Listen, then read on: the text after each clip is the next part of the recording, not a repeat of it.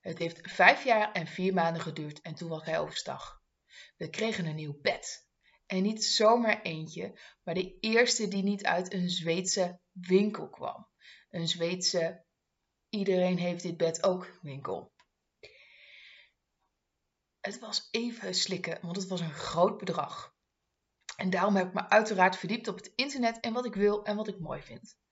Mijn man heeft eigenlijk weinig met het uitzoeken van meubels en laat mij altijd losgaan. Hij geeft alleen aan of hij iets echt heel lelijk vindt en anders komt het gewoon in huis. Superleuk, want als man die wel een keer heel enthousiast is, dan koop ik het ook meteen. Zoals het kattenkussen dat hij zag in een kasteel in Frankrijk. Dat ligt trots op onze bank. Terug naar het bed dat er moest komen. Ik wilde niet zomaar een nieuw bed. Ik wilde een bed waarin ik kon draaikonten. Draaikonten, letterlijk vertaald, is 36 keer van houding wisselen voordat ik in slaap val. En het liefst lig ik ook nog eens diagonaal. Standje zeester, maar dan anders zullen we maar zeggen. Mijn echtgenoot maakt het geen klap uit. Hij ligt het liefst met 30 graden nog lepeltje lepeltje. Ik daarentegen ben van een partij, slapen doe je alleen. Mijn wens was daarmee een 2 bij 2 meter bed. Wat hem nog het meest overhaalde was denk ik het onbewuste betoog van onze zoon.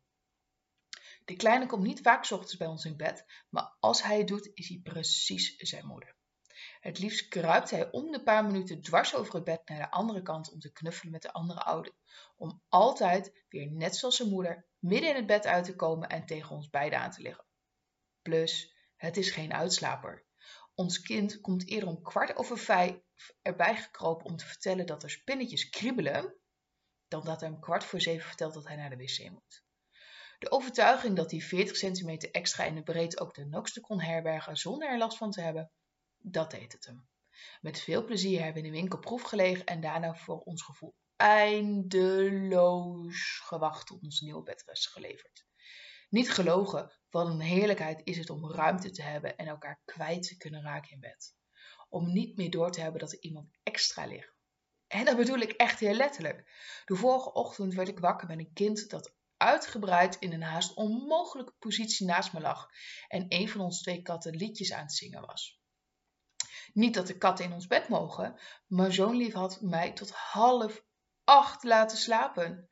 I picked my battles. En met een, een uitgerust lijf heb ik mijn liedje van hem in mijn hoofd koffie gezet. Dat bed, het is me nog iedere nacht, iedere euro waard.